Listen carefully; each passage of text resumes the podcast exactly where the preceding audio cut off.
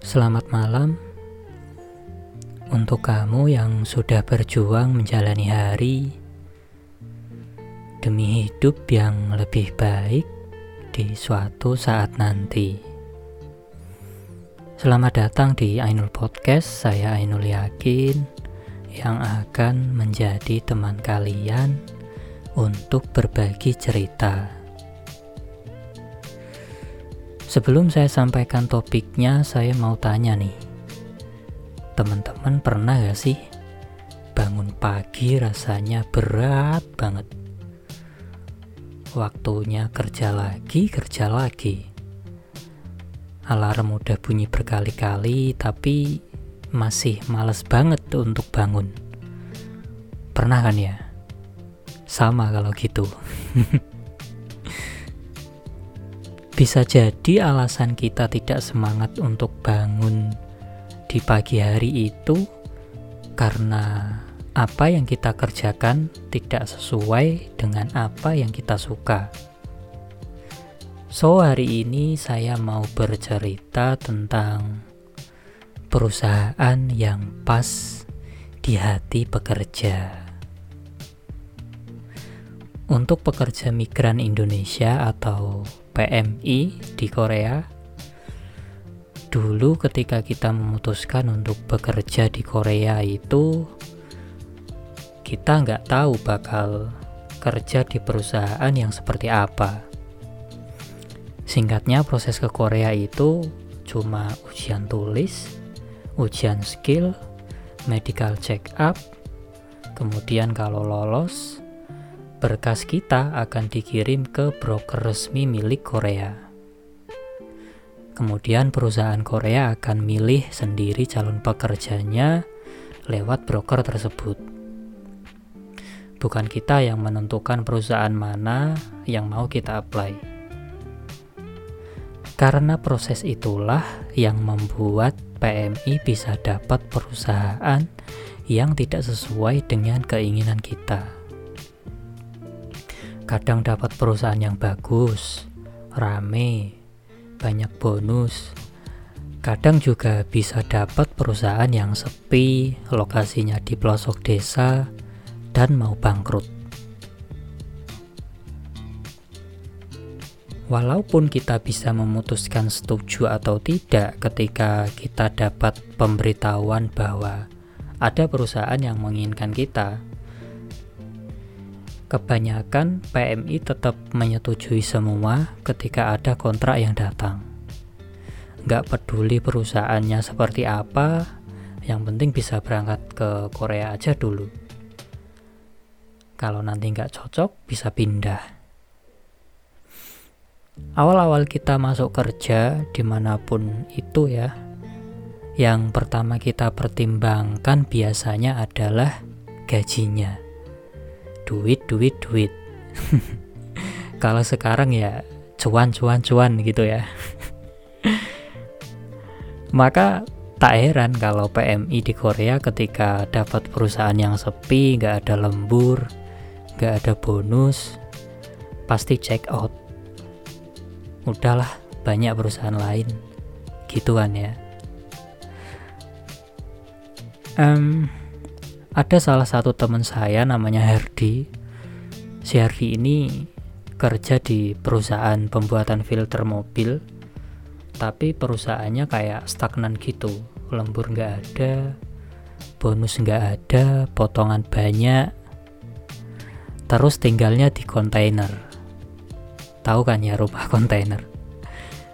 Itu bekas kontainer yang dimodif sedemikian rupa untuk bisa ditinggali. Nah, akhirnya si Hardy ini check out keluar dari perusahaannya. Karena ya itu hasilnya kurang maksimal. Kita di Korea kan benar-benar siap untuk diperas tenaga dan pikirannya untuk hasil yang semaksimal mungkin. Kalau dapat perusahaan yang nyantai-nyantai gitu ya pasti pada cabut. Nah, tapi menariknya setelah saya bantu cari-cari kerja di sekitar wilayah tempat saya bekerja, Nah akhirnya teman saya si Hardi ini dapat perusahaan yang rame banget Lebih rame dari perusahaan saya Lembur banyak, Sabtu Minggu masuk Kadang shift malam juga ada Istilahnya perusahaan apa kalau di sini? Ya pokoknya itulah. Terus beberapa bulan di tempat barunya ngeluh capek. Emang ya manusia banyak maunya.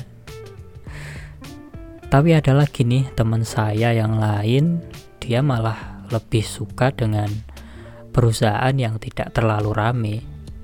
Sebut saja namanya Nara si Nara ini lebih suka kalau hari Sabtu dan Minggu itu libur dia bisa menjalankan hobinya ketemu teman-teman dan berkarya di media sosial Nah, jadi si Nara ini lebih mementingkan work-life balance daripada banyak kerjaan dan banyak lembur. Nah, yang penting dia di sini bisa bekerja, dapat gaji standar, dan bisa menjalankan hobinya. Dan mungkin suatu saat kalau dia sudah selesai kontraknya, bakal menekuni hobinya di Indonesia nanti.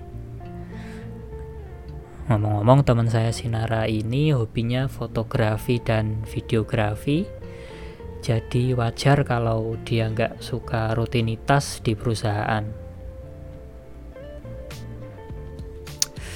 um, Kalau saya pribadi Alhamdulillah Saya di sini dapat perusahaan yang cukup nyaman Perusahaan saya sudah go internasional juga Rekan kerjanya asik-asik atasan baik-baik, banyak lembur, lokasi di tengah kota, bonus juga lumayan. Bahkan saya dapat bonus setahun itu bisa sampai lima kali. Bonus hari raya Solal atau Imlek, libur musim panas, hari raya Cusok, dan bonus tahunan itu bisa sampai dua atau tiga kali. Jumlahnya berapa? Ya nggak usah lah ya. Kalian kira-kira sendiri aja terus ada lagi bonus semacam bingkisan gitu biasanya dua bulan sekali bisa makanan snack suplemen buah-buahan dan lain-lain. Kemudian perusahaan saya juga sering mengadakan liburan bareng. Eh, kita biasanya naik gunung. Pernah kita ke salah satu puncak tertinggi di Korea, namanya Soraksan.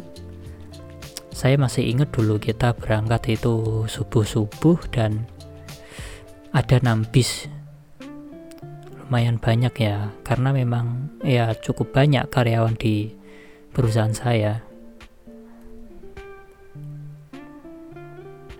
Tapi kalau perusahaan saya sendiri gaji bulanan bisa dibilang standar lembur lemburnya itu nggak begitu banyak cuma ada satu shift Sabtu kadang masuk kadang enggak tapi meskipun gaji standar yang paling penting bagi saya adalah manajemen perusahaannya yang cukup bagus menurut saya. Dulu waktu awal-awal ada kasus covid tahun 2020 ya perusahaan saya tidak ada pengaruh apa-apa sih. Cuma penyesuaian prokes aja dan agak terhambat proses ekspornya. Nah kemudian yang bikin nyaman itu rekan kerja. Rekan kerja saya itu lucu-lucu. Orang Korea semua bisa diajak bercandaan kalau kerja dengan mereka itu saya anggap kayak kerja sama Pak D gitu sama Pak Le atau sama bapak saya sendiri. Nah tapi untuk akrab dengan orang Korea itu ya memang apa ya memang butuh kemampuan bahasa Korea yang cukup sih. Kalau enggak ya enggak bisa akrab dengan orang-orang Korea. Jadi dari cerita kedua teman saya tadi dan sedikit tambahan dari saya, kita bisa lihat bahwa perusahaan yang nyaman itu tiap orang punya versi masing-masing. Ada yang mengutamakan work-life balance, ada juga yang mengutamakan gaji, ada juga mungkin yang lebih mementingkan hubungan kerja dengan kolega dengan atasan. Ada yang ju ada juga yang mikir lingkungan kerjanya itu sehat atau enggak. Nah, tapi masalahnya ada juga yang nggak tahu nih. Dia itu nyamannya kerja di tempat yang seperti apa. Nah, jadi di podcast ini saya juga mau cerita tentang konsep kesenangan dan makna kehidupan. Asik. Konsep ini namanya konsep ikigai. Ikigai berasal dari bahasa Jepang yaitu iki yang artinya kehidupan dan gai yang artinya nilai. Ikigai, nilai kehidupan. Oke. Untuk mengimplementasikan konsep ikigai dalam pekerjaan ada empat aspek yang pertama itu uang. Iya, memang uang. Untuk memenuhi kehidupan sehari-hari, kebutuhan sosial, dan lain sebagainya memang butuh uang kan ya. Kalau kita kerja terus gajinya tidak sesuai, ya kita harus mikir-mikir untuk cari pekerjaan lain. Kemudian yang kedua, sesuai passion atau hal yang kita suka. Kalau kita sudah kerja sesuai dengan hal yang kita suka, ya berarti sudah dibilang nyaman. Tapi kalau masih ada rasa kayak saya ngapain sih kerja kayak gini? Males banget gitu. Ya mungkin itu bukan pekerjaan yang pas buat kamu. Akan tetapi bagi saya passion itu bisa dikesampingkan dulu selama lingkungan kerjanya nyaman. Rekan kerjanya asik-asik mungkin nggak banyak konflik ya itu sudah cukup bagi saya. Yang penting dapur ngebul dulu. Ya gak sih? Terus yang ketiga kamu ahli atau jago di pekerjaan tersebut. Apa yang kamu kerjakan itu kamu bener-bener jago gitu. Kalau bukan kamu nggak bisa pokoknya. Jadi ada kepuasan tersendiri kalau kita mengerjakan apa yang kita kuasai. Terus yang aspek yang keempat ada impact atau dampak yang besar buat orang lain.